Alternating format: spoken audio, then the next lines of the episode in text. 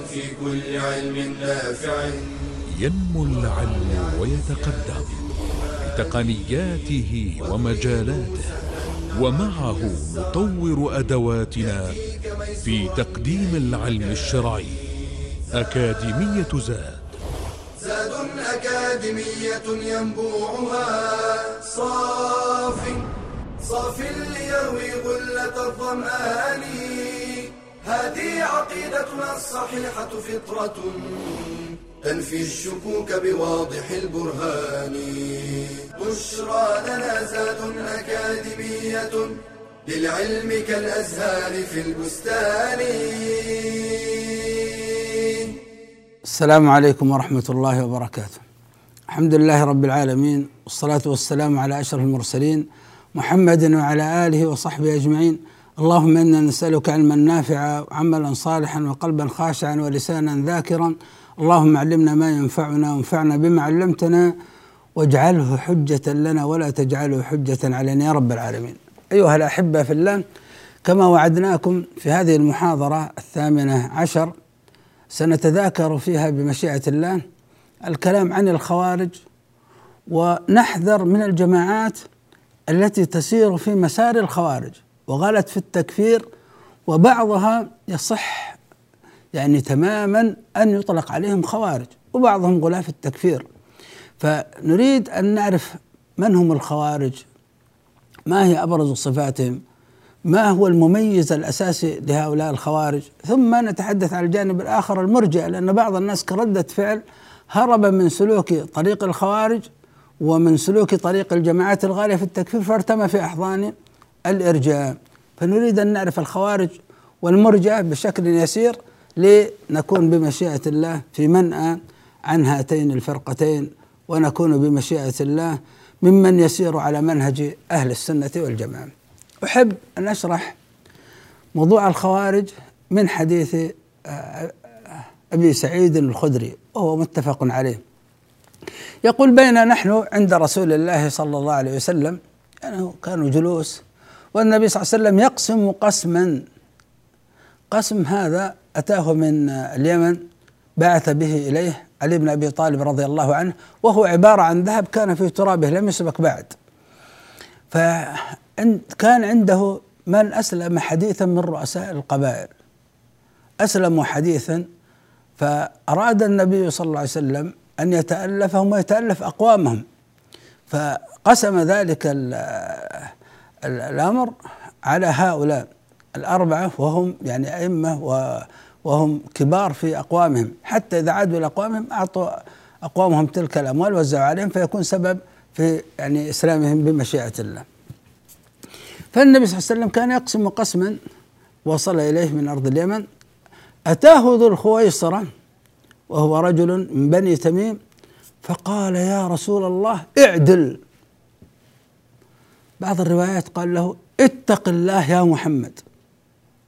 بعض الروايات قال له والله إنها قسمة ما أريد بها وجه الله. لاحظوا يا أخوان هذه الصفة صفة مميزة للخوارج. لا يوجد خارجي على مدى التاريخ إلا وهذه الصفة متصف بها. هذه الصفة ما هي؟ هي استشعار أنه هو المتقي لله والمخالف له في الرأي غير متقي لله. ويرى أن هذه القسمة قسمة خاطئة. وبالتالي يرى أن قسمته هي العدل وأن قسمة غيره هي الظلم. حتى لو كان هذا الغير رسول الله صلى الله عليه وسلم. اعدل يا محمد يأمر رسول الله صلى الله عليه وسلم بالعدل. فيهم هذا الغرور وهذا الكبر صفة يعني نفسية. أي خارجي عنده هذا الأمر تجده في نفسه. يرى نفسه أتقى الناس ويرى نفسه أعدل الناس ويرى نفسه المريد بأعماله وجه الله ويرى المخالف أنه لا يريد بعمله وجه الله إنما يريد الدنيا بعمله قل وندر أن تجد خارجي إلا وهو يرى أن مخالفه ممن يريد الدنيا ممن يريد الأموال ممن يعني جانبوا العدل ووقعوا في الظلم. هذا صفة صفة تامة.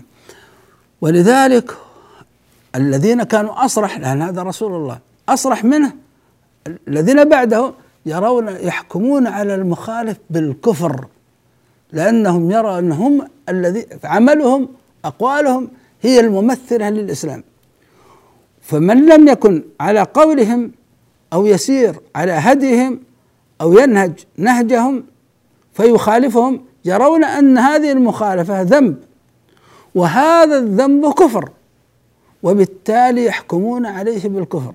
فيحكمون على المخالف بسبب فعله الذي خالفهم به أو بسبب قوله يرون أن قوله وفعله لكونه مخالف لمنهجهم معصية.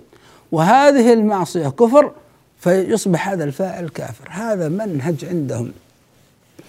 ثم بعد ذلك يقومون بعمل آخر.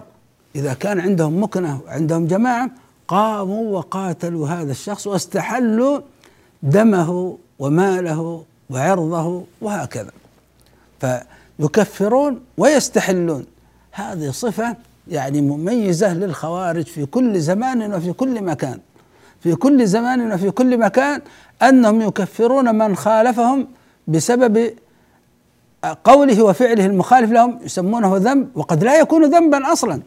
لكن يعتبرونه ذنب لكونه مخالف لما هم عليه من قول أو فعل فيسمونه ذنب ويعتبرون المرتكب له كافر ويستحلون دمه وماله. هذا أبرز صفة. ولذلك هذه العلامة المميزة وهذا الضابط المميز للخوارج على مدى التاريخ. قال اعدل يا محمد اتق الله يا محمد. والله إنها قسمة ما أريد بها وجه الله. ما أريد بها هذا يتحدث عن القلب. دائما من صفات الخوارج اتهام النيات اتهام النيات اتهام نيات الآخرين. قال له رسول الله صلى الله عليه وسلم ويلك ومن يعدل إن لم أعدل ويلك ومن يعدل إن لم أعدل قد خبت وخسرت إن لم أعدل يعني أنت أول من سيخيب وسيخسر هذه واحدة وقيل المعنى الثاني قد خبت وخسرت إن لم أعدل يعني هو يتحدث عن نفسه صلى الله عليه وسلم وهكذا ثم النبي صلى الله عليه وسلم ظهر على وجه الغضب وقال ألا تأمنوني وأنا أمين من في السماء؟ في بعض الروايات. يعني يأتيني الوحي صباح مساء. الله عز وجل ائتمنه على وحيه. الله ائتمنه على وحيه. وأنت لا تأتمنه على هذه أمور الدنيا هذا الذهب وهكذا. وهذه مصيبة. قال عمر بن الخطاب رضي الله عنه يا رسول الله ائذن لي فيه أضرب عنقه. قال رسول الله صلى الله عليه وسلم دعه. في بعض الروايات فإنه يصلي وحتى لا يقال أن محمدا صلى الله عليه وسلم يقتل أصحابه. قال دعه ثم قال النبي صلى الله عليه وسلم فإن له أصحابا يحقر أحدكم صلاته مع صلاتهم وصيامه مع صيامهم. إذا هناك صفة فيهم. هذه الصفة أن عندهم تعبد. العبادة موجودة عندهم. طبعا هذه صفة غالبة. غالبة أن عندهم هذا التعبد آه لكن تعبد بجهل. يقرؤون القرآن يقرؤون القرآن لا يجاوز تراقيهم. هذا عظم يعني لا يصل إلى قلوبهم فيفهمونه ويفقهونه كما ينبغي. فهم عندهم عبادة عندهم عمل عندهم اجتهاد لكن على غير علم. ناخذ فاصل ثم نعود. نكمل إليكم بمشيئة بشرى لنا زاد أكاديمية للعلم كالأزهار في البستان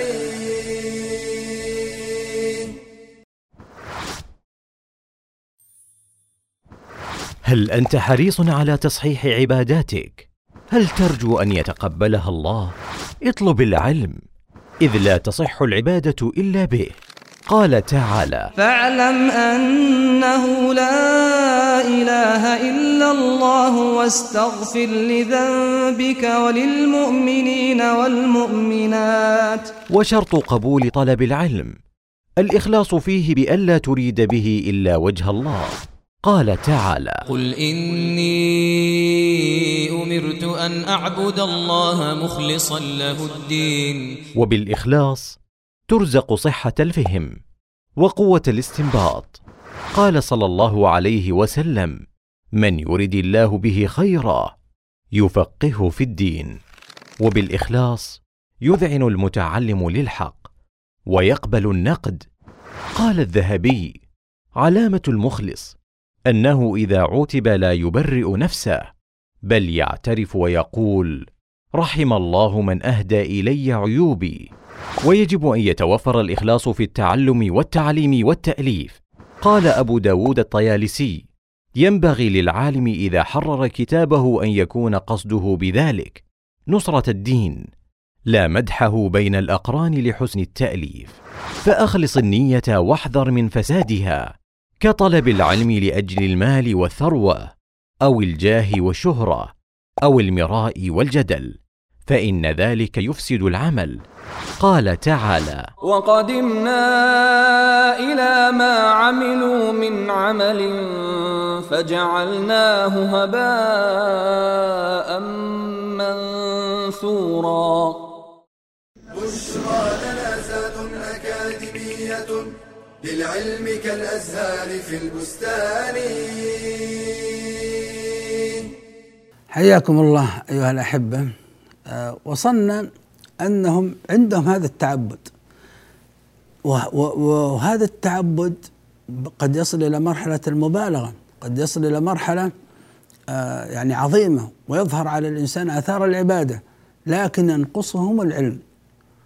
وهم حفظة للقرآن لكن يفهمون القرآن على غير ما فهمه السلف. لهم منهج آخر في فهم القرآن. ما هو منهجهم في فهم القرآن؟ منهجهم في فهم القرآن وفق آرائهم هم وفق أهوائهم هم وفق ما يرونه هم الصواب. ولا يعتمدون فهم السلف الصالح لهذا القرآن ولا يهتمون ويعظمون سنة النبي صلى الله عليه وسلم الشارحة لهذا القرآن. لذلك عندهم بسبب جهلهم بأحاديث النبي صلى الله عليه وسلم الشارحة للقرآن بسبب جهلهم لأقوال الصحابة الموضحة المراد بهذا القرآن أصبحوا يعني يأخذون المعنى الذي يتبادر إلى أذهانهم هم وهو موافق لهواهم موافق لشبهتهم موافق لرأيهم موافق لبدعتهم فيفسرون القرآن وفق ذلك. فيأخذون جانب منه ويتركون الجانب الآخر. يتركون الجانب يأخذون جانب الوعيد ويتركون جانب الوعد. فيحدث عندهم هذا الضلال. المقصود عندهم جهل بالعلم الشرعي. جهل بالعلم الشرعي رغم ما عندهم من اجتهاد ولذلك عندهم مغامرة بأنفسهم يقتلون أنفسهم آه قيام تعبد وهكذا وإيمان بيوم آخر. لكن بسبب عدم علمهم بالشرع تكون عبادتهم ضالة يعتبرون من أهل الضلال وليسوا من المغضوب عليهم. المغضوب عليهم هم الذين يعلمون ويعملون بخلاف العلم والضالون هم الذين يعملون ويعملون لكن على غير علم وعلى غير سنة. وهؤلاء الخوارج هم أبرز من يمثل هذا الجانب في دين الإسلام. أبرز من يمثل هذا الجانب في دين الإسلام الخوارج. يعملون ويجتهدون ويصلون ويصومون ويجاهدون ويقتلون ما عندهم مانع في قتل أنفسهم التضحية بأنفسهم لكن بسبب أنهم على غير سنة بسبب أنهم على غير سنة حدث لهم هذا الضلال. بل وصل بهم الضلال إلى أمر أخطر من هذا كله. ليست القضية أنهم وقعوا في بدعة فحسب لا. وصلوا في الضلال أنهم بسبب غلوهم يدخلون من الدين لكنهم للأسف الشديد دخول قوي يخرجون من الجانب الآخر فيمرقون من الدين عياذا بالله. يمرق يمرقون من الدين كما يمرق السهم من الرمية.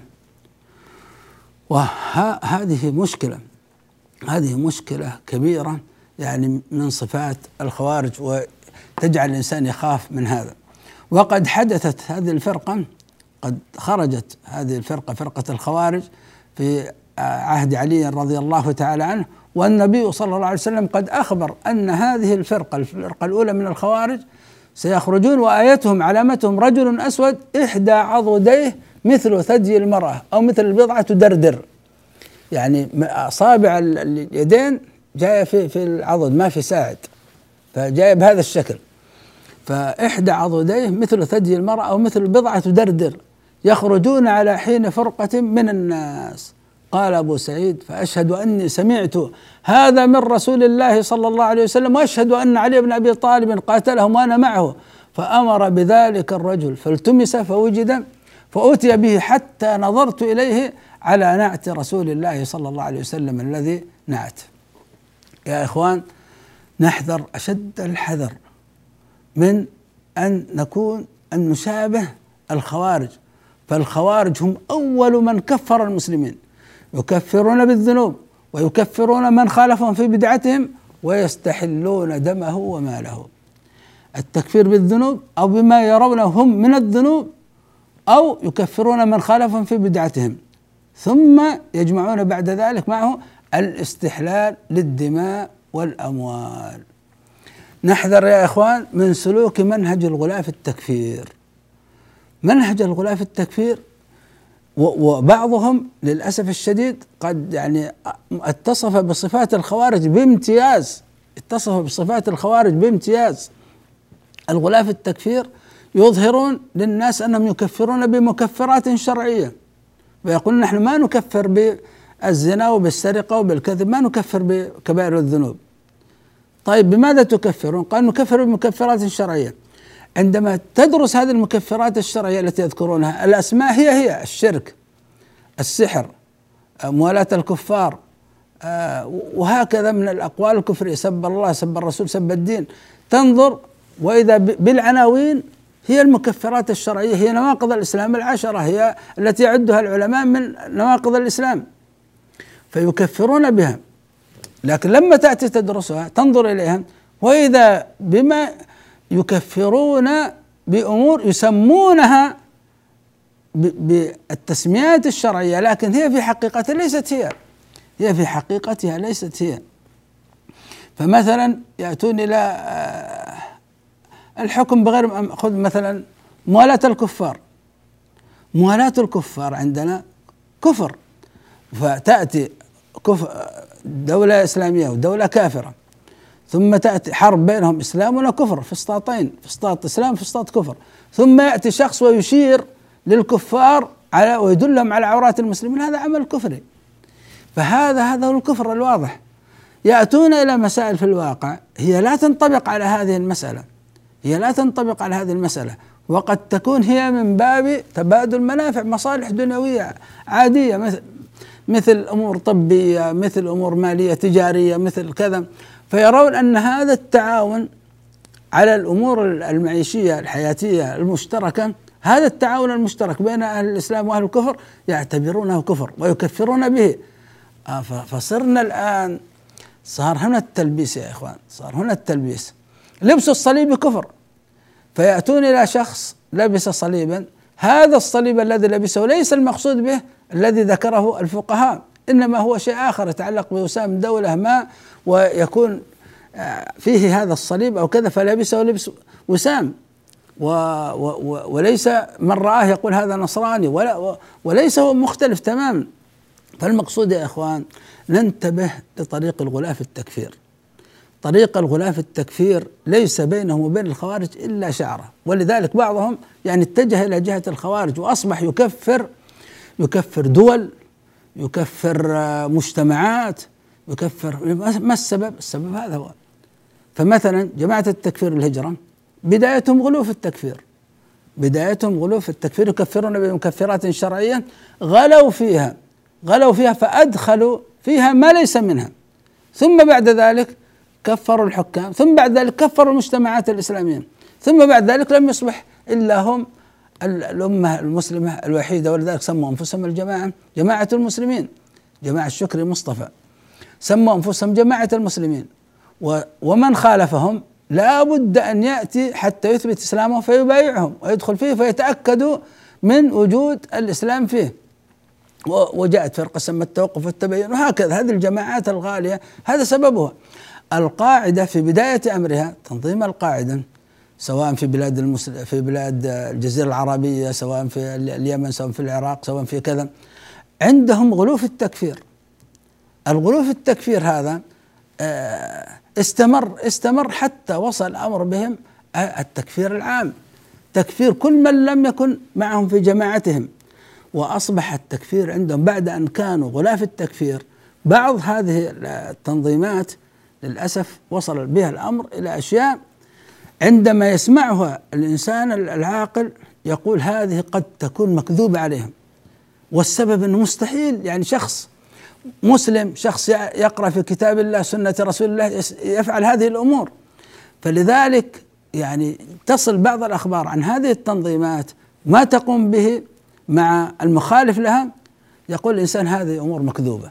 مستحيل أن أن يفعلوها مع مسلمين خالفوهم في بعض الآراء. لكن اعتبروا هذه المخالفة لهم كفر واستحلوا دماءهم وأموالهم فصاروا مثلهم مثل الخوارج تماما. فلنحذر يا إخوان هذا نحذر فرقة الخوارج ونحذر من هذه الجماعات الغالية في التكفير. يبتعد الإنسان عنهم لا يقرأ لهم لا يستمع لشبهاتهم شبهات و- ومصائب عظيمة. إذا لم يكن عند الإنسان حصانة فإنه ممكن أن ينجرف. فإذا راى الشخص يكفر دولة كاملة يكفر علماء يكفر شعوب يكفر مجتمعات فعليك أن تفر منهم. نأخذ فاصل ثم نعود إليكم بمشيئة الله. بشرى لنا زاد أكاديمية للعلم كالأزهار في البستان.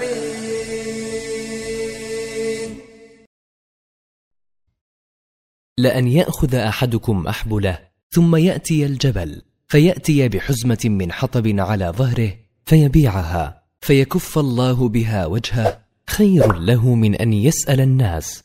أعطوه أو منعوه. توجيه نبوي لعلاج أخطر المشكلات الاقتصادية والاجتماعية في واقعنا المعاصر وهي البطالة. وترجع أسبابها إلى احتقار بعض المهن أو رفضها بحجة عدم المناسبة اعتماد بعض الشباب على الوالدين. المعدلات المنخفضة للنمو الاقتصادي التقدم التكنولوجي والاستغناء عن العمالة ضعف نظم التعليم والتدريب وتكمن خطورة تلك الظاهرة في آثارها والتي منها الإصابة بالإحباط وعدم الثقة مما يولد اكتئابا وقلقا وشعورا بالفشل. التوجه للجريمة والانحراف كالمخدرات والسرقة والتطرف. إهدار الطاقات الإنتاجية الفراغ القاتل الذي يؤدي إلى عواقب لا تحمد نتائجها.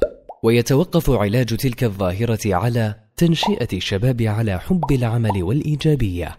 تقديم القدوات الجادة الناجحة. توفير فرص العمل المناسبة. تقديم الدورات التدريبية المؤهلة للمشاركة في سوق العمل.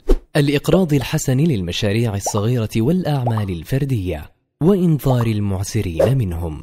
قال رسول الله صلى الله عليه وسلم ما أكل أحد طعاما قط خيرا من أن يأكل من عمل يده.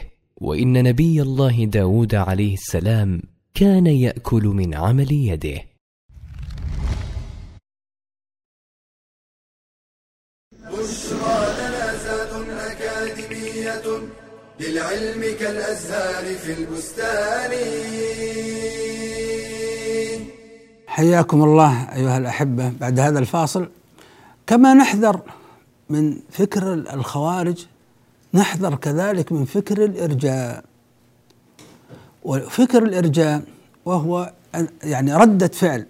من القديم مرجئه الفقهاء رده فعل لبعض الأفكار الغالية فأخرجوا العمل عن مسمى الإيمان حتى لا يقعوا في التكفير. أولئك كفروا بغير حق جاءوا هؤلاء والتكفير الحق هربوا منهم. ف فأخرجوا العمل عن مسمى الإيمان حتى يصبح أعمال الإنسان حتى لو وقع في الكفر. طالما أنه ينطق بالشهادتين قالوا هذا مسلم وهذه أعمال كفرية لا بد أن يصرح أنه يراها حلال عندئذ نقول بتكفيرهم. ثم يعني مرجئة الفقهاء كانوا أهل صلاة وأهل صيام لكن هذا الفكر أدى بكثير من الناس أنه يعني يدعو أن يكون الإسلام مجرد نطق بالشهادتين بلا صلاة ولا صوم ولا تحكيم لشرع الله وهكذا. يقول إبراهيم النخعي يتحدث عن مرجئة الفقهاء وليس المرجئة الغلاة الجهمية حتى الإمام أحمد يقول هؤلاء ليسوا مرجئة هؤلاء المرجئة هم الذين يقولون الإيمان تصديق بالقلب وقول باللسان لكن الجهمية ما يعتبرهم مرجئة أصلا فمذهبهم منحرف. ولذلك عند التحقيق حتى الأشاعرة عند التحقيق عندما النظر في مذهبهم يعود إلى مذهب المرجئه فكلا يعني كلاهما سواء المعرفة المعرفة القلبية أو التصديق القلبي متقارب الفارق بينه شيء يعني يسير. يقول إبراهيم النخعي عن مرجئة الفقه الإرجاء بدعة؟ ويقول إياكم وأهل هذا الرأي المحدث يعني الإرجاء. ويقول لفتنتهم عندي أخوف على هذه الأمة من فتنة الأزارقة الأزارقة قتلوا الناس ذبحوهم. شيء عجيب.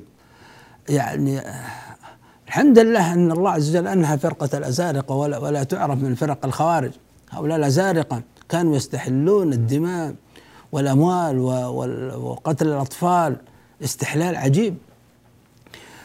يرى أن فتنة المرجع أشد على الأمة من فتنة الأزارقة، السبب أن الأزارقة كانوا يدعون الناس مع هذا كله إلى العمل بالإسلام، أما هؤلاء المرجئة دعوتهم للناس إلى ترك العمل بالإسلام. ولذلك يقول سعيد بن جبير المرجئة يهود أهل القبلة. يهود القبلة ما السبب؟ يهود أهل القبلة. اليهود هم الذين يقولون الدين قول بلا عمل. فيقول والمرجع عندنا هم يهود أهل الإسلام. يقولون الدين قول بلا عمل. يقول الإمام الزهري ما ابتدعت في الإسلام بدعة هي أضر على أهله من هذه يعني الإرجاء. لا شك يا أخوان الإرجاء يضعف قوة أهل الإسلام يضعف قوتهم الإيمانية. لماذا؟ لأن إهمال عمل الجوارح وتهوين شأنها يؤدي إلى ضعف إيمان القلب. بلا شك هناك ارتباط وثيق بين أعمال القلوب وأعمال الجوارح فكلاهما يؤثر على الآخر. فإذا كان الإنسان ما يعمل بجوارحه ما الذي يحدث لإيمان القلب؟ يضعف يضعف يضعف وهكذا لأن ما في ما في صلاة ما في صوم ما في زكاة ما في حج وهكذا هذا يضعف هذه القوة. أيضا عندما لا يهتم الإنسان بالصلاة والصوم والجهاد وتحكيم الشريعة والمطالبة بحكم الشريعة، الأمر بالمعروف، النهي عن المنكر، امتلاك المال، الاقتصاد من أجل أن يعني يكون لأهل الإسلام دولة. الفكر الارجائي هذا الأمور منتفيه عنده وبالتالي يكون سبب هذا الفكر الارجائي سبب لإضعاف القوة المادية عند الأمة الإسلامية، لذلك لا يوجد صوفي إلا ويكون مرجع. لا يوجد صوفي إلا ويكون مرجع. فالارجاء دين الصوفية، الارجاء دين يحبه الرؤساء والزعماء، لماذا؟ لأنه ويحب حتى الكفار، حتى الكفار يحبون المرجع، السبب لأن هذا الفكر الإرجائي لا يقاوم لا يعلن جهاد في سبيل الله لا يعلن عمارة أرض بما هو نافع وتحكيم شرع الله أمر معروف ونهي عن منكر وهكذا. فلا بد أن هذا الفكر الإرجائي يضعف قوة أهل الإسلام المادية. كذلك حتى أن بعض من يعني تلطخ بفكر الإرجاء وقد كان آمرا بالمعروف ونهيا عن المنكر. لما جاء هذا الفكر الإرجائي أول ما ضعف ضعف مسألة الأمر بالمعروف والنهي عن المنكر عنده. وبدأ ينسحب وبدأ يرى أن يعني طالب مسلم انطق بالشهادتين. ف ولذلك الليبرالية ويحبون أهل الإرجاء يحبون أهل الإرجاء لهذا لهذا السبب. الليبرالية ترى انه الإنسان ينطق الشهادتين ويقول لا إله إلا الله ونحمد رسول الله. ثم بعد ذلك هو حر في أموره الشخصية أموره حر في مثلا في ماله حر في آه، بدنه حر في يعني خلاص هو ناطق بالشهادتين. المرجع هي نفس الفكرة. فلذلك من هنا يعني الفكر الليبرالي الذي هو في داخل يعني العالم الإسلامي عند الذي صاحبه يزعم أنه مسلم وهكذا هذا الفكر الليبرالي الفكر الارجائي بينهم يعني اتفاق. ولذلك الفكر الارجائي فيه فتح المجال للزنادقة والفسقة من النيل من دين الإسلام استهزاء وسخرية وسبا لله عز وجل وللرسول. لماذا؟ لأنهم يرون أن هذا الأمر يعني وحتى مهما كان هو كفر عملي لابد فيه من الاستحلال. أيضا تجد أصحاب الفكر الإرجائي يهونون من قضية تحكيم شرع الله. وأن يعني وتبديل هذه الشريعة بقوانين وضعية. فعندهم تهوين لهذه القضية. لقضية التشريع قضية حكم الحكم بما أنزل الله.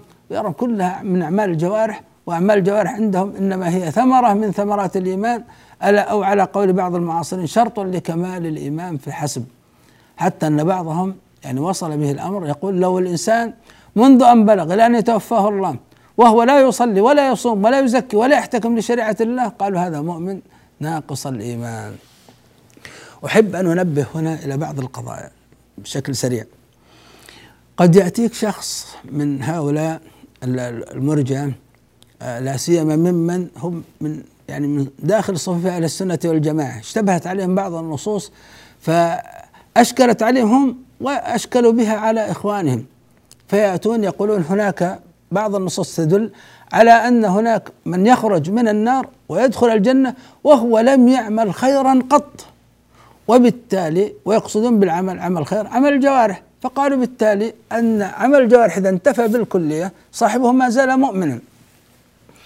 فيقال لهم لا يصلح هذا المنهج لا يصلح أن تأتي بنص مشتبه تنفي به النصوص المحكمة. يجب عليك ما اشتبه عليك من النصوص الشرعية ما اشتبه عليك من النصوص تفسره في ضوء المحكم. المحكم أن الجنة لا بد لها من عمل وتلك الجنة التي ورثتموها بما كنتم تعملون. والعمل يدخل فيه عمل القلب وعمل الجوارح يدخل فيه الإيمان والعمل الصالح يدخل فيه الإيمان والإسلام الإيمان والتقوى. هذا المقصود بالعمل. ف فيجب عليك أن تفسر هذا النص المشتبه وفق هذا المحكم.